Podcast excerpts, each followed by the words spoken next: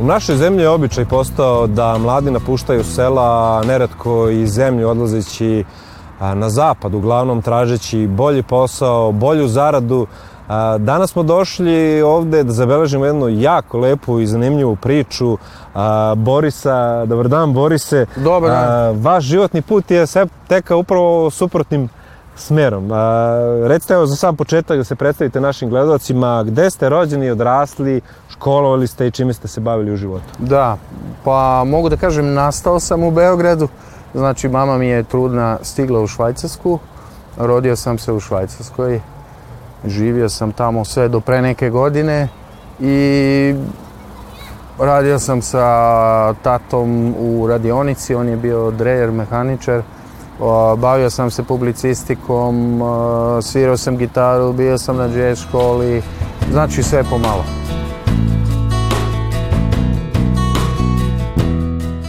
Znači vi ste čitav život svoj e, praktično proveli i živjeli u Švajcarskoj, kao što ste rekli.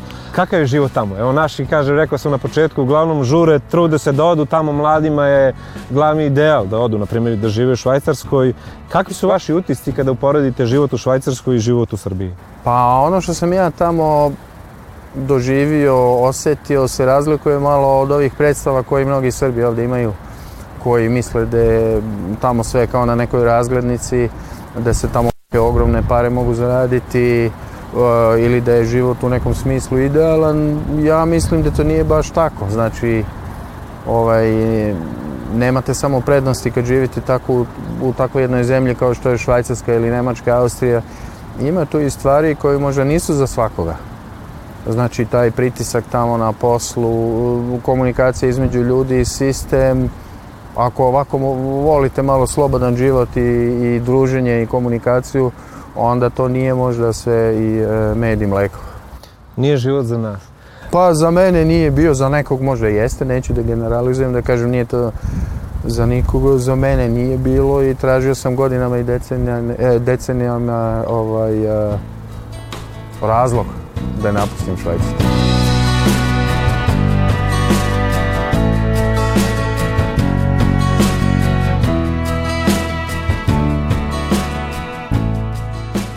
Nalazimo se ovde na samoj obali Dunava, gde ste otvorili jedan e, prelep splav. Otkud ideja za tako nečim? Pa dolazio sam ovde u Komšiloku u jedan hostel godinama. Ima tu jedan lep hostel San Art, drže moji drugari i dolazio sam kod nje godinama kao gost i onda sam video lepo na reci, lepo na Dunavu i onda sam pitao gazdu jednog dana koji su uslovi da se ovde napravi neki splav i on me je uputio, objasnio mi je i ništa, onda sam polako krenuo. Međutim, imao sam još taj problem, taj je, što se tiče estetike, pošto sam znao da hoću nešto da napravim što se tiče, što je povezano sa srpskom tradicijom, što je autentično, povezano sa našom srpskom arhitekturom.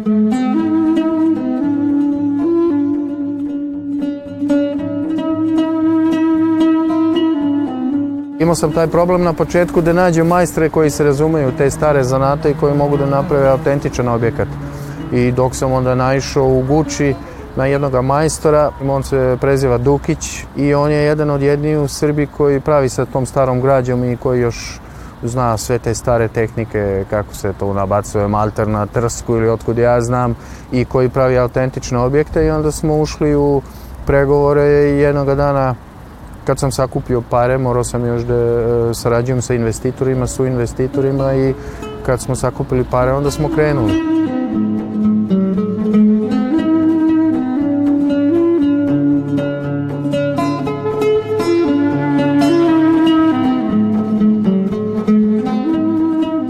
nisam otkupio splav od nikoga, nego smo sve od početka gradili. Znači, metalna konstrukcija, pontoni i onda je počeo e, splav da se, da se gradi. Tako je to bilo. Zašto ste se odlučili da bude to baš u tom stilu, da kažem? E, Odraste ste tamo, radili ste tamo, možda ti korni koje ste, da kažem, iz Srbije, poneli sa sobom, možda vas je to vuklo ili šta je bio razlog da uradite e, vaše eto etosplav baš u tom stilu? Pa, generalno volim više onu staru arhitekturu, predratnu mogu da kažem. Ne volim novu arhitekturu, ne, vodim, ne volim beton i stakla, ne volim Beograd na vodi. Znači, mene sve ono privlači što je tradicionalno u srpskoj istoriji. Da li su kuće, da li su ćilimi, da li, je, da li su nošnje, znači sve što je ranije građeno je bilo mnogo kvalitetnije nego danas i bilo je povezano za našu istoriju.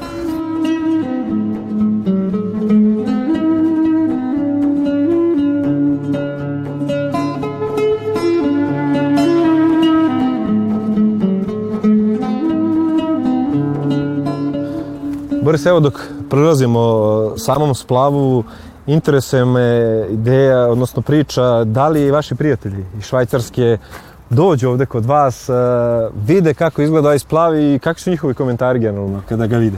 Da, pa dolaze generalno prijatelji u posetu, ne samo iz Švajcarske, iz drugih zemalja, Austrije, Nemačke i tako dalje, iz Grčke su dolazili i onda hoće da vide kako to izgleda, da se napravi sebi splav ili kuća na reci, pošto to kod njih u principu i nema.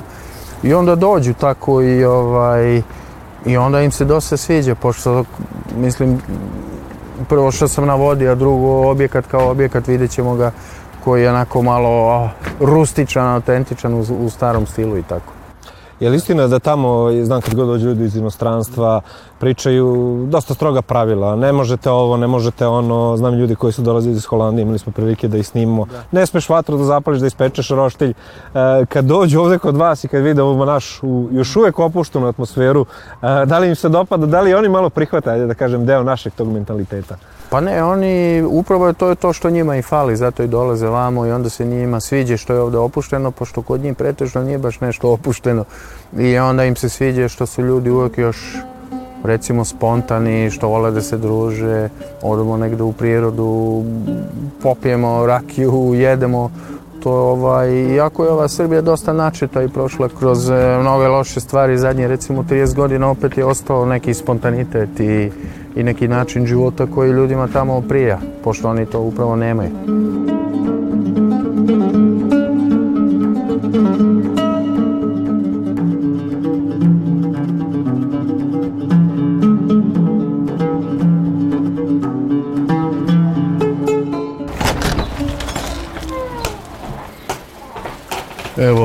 Stigli smo na objekat da bacimo pogled.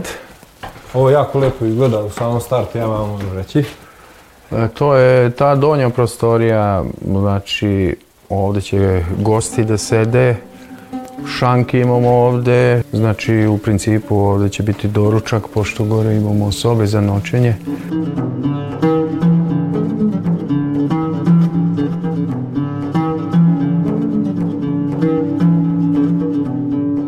Kad ste počeli da radite sam splav, koliko su dugo trajali radovi, koliko je to bilo naporno, a koliko se s druge strane bilo zadovoljstvo raditi na njemu? Pa dobro, ideju sam već imao negde 2014. pa dok sam našao te majstre Bilo je umeđu vremenu možda 2016. 17. dok smo se sve bili dogovorili, pa smo prvo napravili ovu metalnu konstrukciju. Ovde u Ivanovu, 15-16 km odavde, prvo se gradila metalna konstrukcija na pantonima, I onda je počeo na toj konstrukciji sam splav ovakav kakav je danas da se gradi. Znači ti majstri iz Guče su morali da dođu u vamo i, i da počnu da grade splav bukvalno na licu mesta.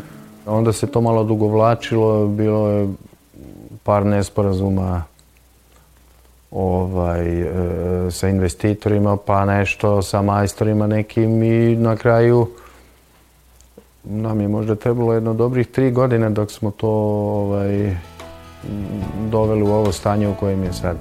Mislim da je 95% gotovo tako. Sad još malo i onda još nešto oko registracije dozvola i onda bi polako krenuo.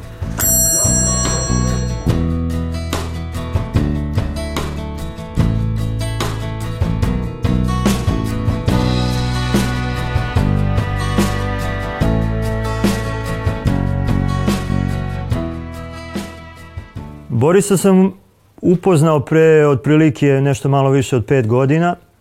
E, imao sam priliku da pre tog perioda me kontaktirala devojka preko interneta, videla je preko YouTube-a moju zbirku.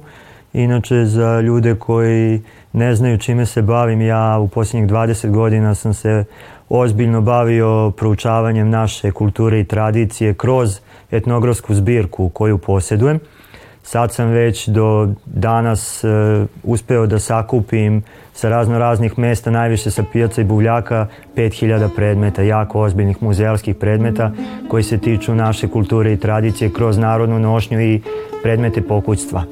Ta devojka je bila čerka vlasnika frankfurtskih vesti i o, e, oni su u tim novinama koje se rade u Nemačkoj za našu dijasporu uradili jedan divan članak o mojoj zbirci. Boris je pre 5-6 godina video u Nemačkoj e, to izdanje i stupio u kontakt sa mnom. Čovek je sa svoja dva prijatelja došao kod mene kući, pogledao zbirku, oduševio se i onda mi je izneo svoj e, projekat i zamisao e, koji je pre pet godina bila samo njegova divna mašta. Meni je bio jako drag i neverovatan. Pre svega što je Srbin koji je rođen u Bazelu, a drugo koji je posle 50 godina e, shvatio u stvari šta je život tamo i šta je život ovde i hteo je da se vrati svojim korenima upravo interesantna priča e, koja i govori e, kroz vašu emisiju Povratak korenima, povratak selu. On se do duše nije vratio selu jer njegovi su e, potomstvom iz Bosne, ali je zato našao svoju energiju i priču upravo ovde u Srbiji.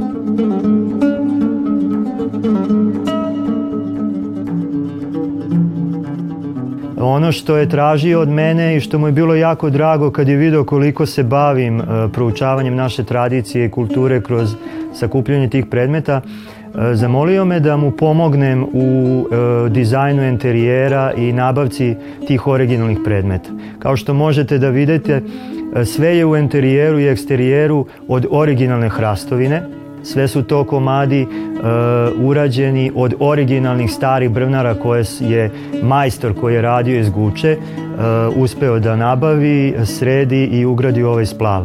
Iznad mene se nalazi jedan od mnogo, mnogo desetina predmeta koje sam dao Borisu da budu u ovako božanstvenom e, ambijentu, to je grb kraljevine Obrenovića, kraljevine Srbije s početka 20. veka i tu ćete videti po zidovima još dosta originalnih komada od, e, na primer, jedan od najlepših trenutno e, kompletan Đerdan e, sa početka 19. veka. Zašto baš Đerdan? To je oglavlje i deo nakita, grudnog nakita koje je oko 200 godina i više staro. Upravo smo to izložili na najautentičnijem mestu na glavnom zidu splava zato što se sam splav zove Konak Đerdan i urađen je u stilu starog onaka iz gradske kuće 19. veka.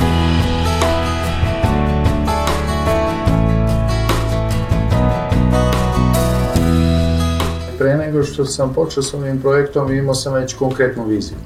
Znači imao sam kao 3D model u glavi i sve je već bilo smišljeno. Znači nije mi trebao nikakav arhitekta, nije mi trebao nikakav dizajner, nije mi trebao niko koji se bavi sa interijerom, jer mi to sve već bilo u glavi, pošto imam ja taj ukus odavno, znači taj stil, ja volim tu staru građu, stari nameštaj antikvitete i stan u Bazilu mi isto tako nameštena na identičan način. Muzika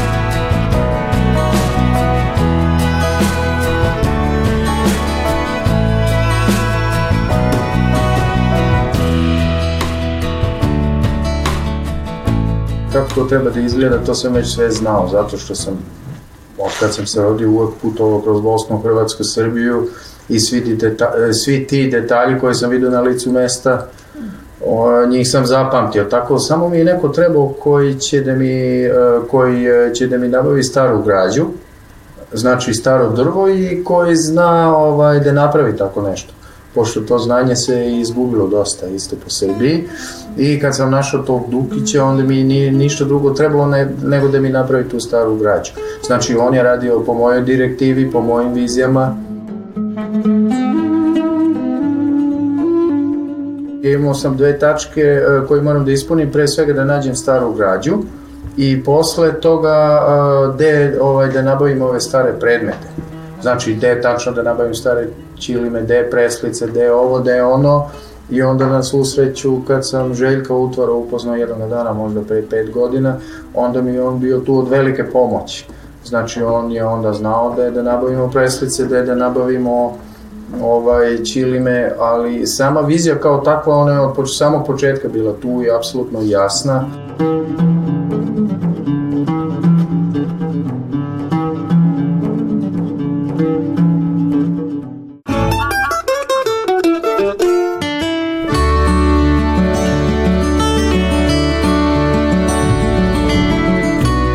penjemo se gore na prvi sprat, sad smo videli prizemlje. Sad smo ovde na prvom spratu, ovaj, ovde ima osam soba za noćenje.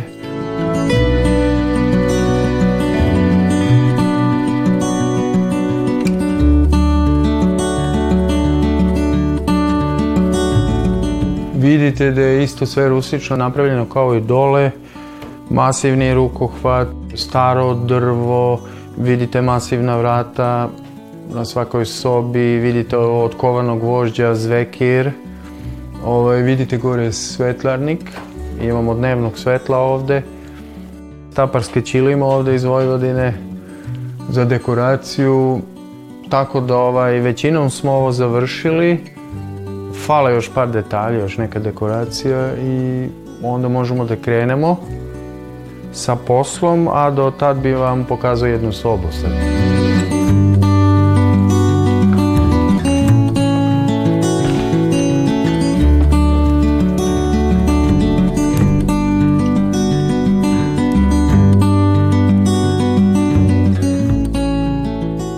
Evo nas u jednoj od većih soba.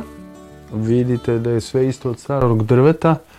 To su takozvane talpe stare, sve rustično, ovaj, zidovi su malterisani, e, koristili smo e, gašeni kreć, tako da je sve prirodno. E, na zidovima vidite stari simbol Peruniku, na prozorima vidite prizrensko platno sa našivenim čipkama, štofane draperije, krevete smo pravili po meri, pošto ne možete naći sad 20 kreveta starinskih, duplih i ovakvih i onakih, to je teško naći, tako da je to jedino što smo dali stolaru da je novo napravi. Kupatila su iznutra isto rustična, drveni omari, ogledala ovaj malterisani pod. Stare lampe isto, ove što vidite ovde su, na primjer, naše u Francuskoj. Putovao sam i kroz Francusku i Nemačku i, i Srbiju i nalazio sam na buvljacima i lampe i stolove i natkasne u Vojvodini tako da sam putovao po celoj Europi gdje bi ovo na kraju ispalo e, autentično.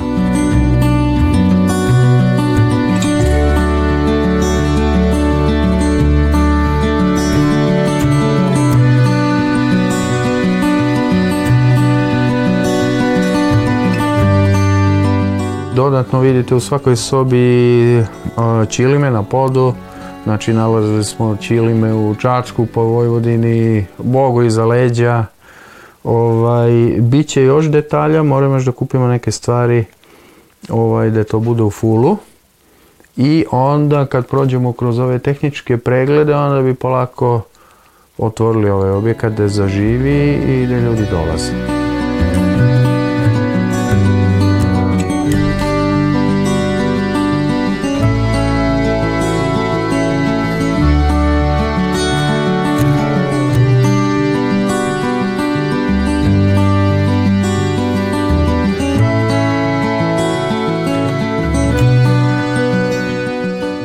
Pa meni u, prvom, u, u prvom redu cilj je da se ljudi naravno ovde opuste, e, što je relativno lako na vodi, pošto osjećam po sebi, totalno sam opušten kad sam na vodi, i da uživaju u estetici, znači ljudi koji vole mir i e, e tu staru balkansku estetiku, e, njima će sigurno biti zanimljivo ovde da se druže i da spavaju ili da popiju kafu.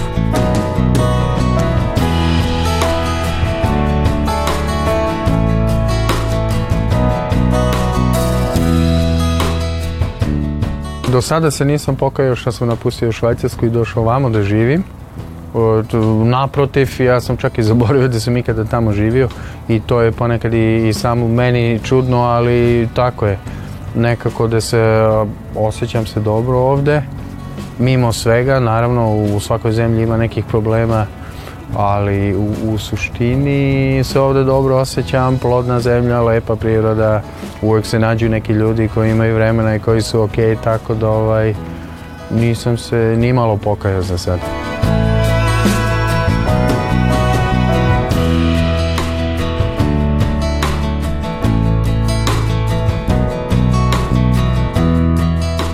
mogu da savjetujem nekoga ovaj, ukoliko niste ugroženi da nemate hranu ili krov nad glavom ili, ili bilo šta, ja ne bi napustio Srbiju. Pošto ovaj, ako se ovako dalje razvija ta cela situacija, onda ćete se naći negde u nekoj zemlji bilo gde i neće vam biti bolje. Ovaj. Bolje bi bilo da ljudi malo, možda i da se vrate malo na selo, to će isto u budući biti važno. Da obnovimo, ovaj, e, da obnovimo naša sela i domaćinstva i da mislim nema smisla da importujemo ovaj e, povrće i voće iz nekih drugih i trećih zemalja ako imamo ovde neobrađenu zemlju koliko god hoćete.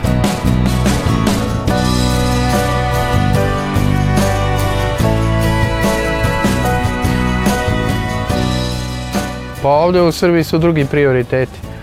Recimo na zapadu je stalno šta ću, kako ću da zaradim pare, još više pare ili koliko ću da radim 8, 9, 10, 12 sati. Stalno neko juri sa leve na desno i desno sa desne na levu stranu. ovde je malo opuštenije koliko toliko još. Ovaj, uvek se nađe vremena za neko društvo. Neko te pozove kući ili na slavu ili odiš negde da pešačiš, tako, pešačiš, tako da je ovde opuštenije. U tome je razlika. Što je opuštenije ovde mnogo u Srbiji, a ja smatram da se nisam rodio da budem robot, samo da dan i noć sedim u kancelariji ili u nekoj fabrici, nego mora između toga i da bude neko druženje, i neki, neki, neki život kao takav. Tako da meni je to malo teže palo tamo u tom delu zapada da uživam nego ovde. Ovde to ipak može.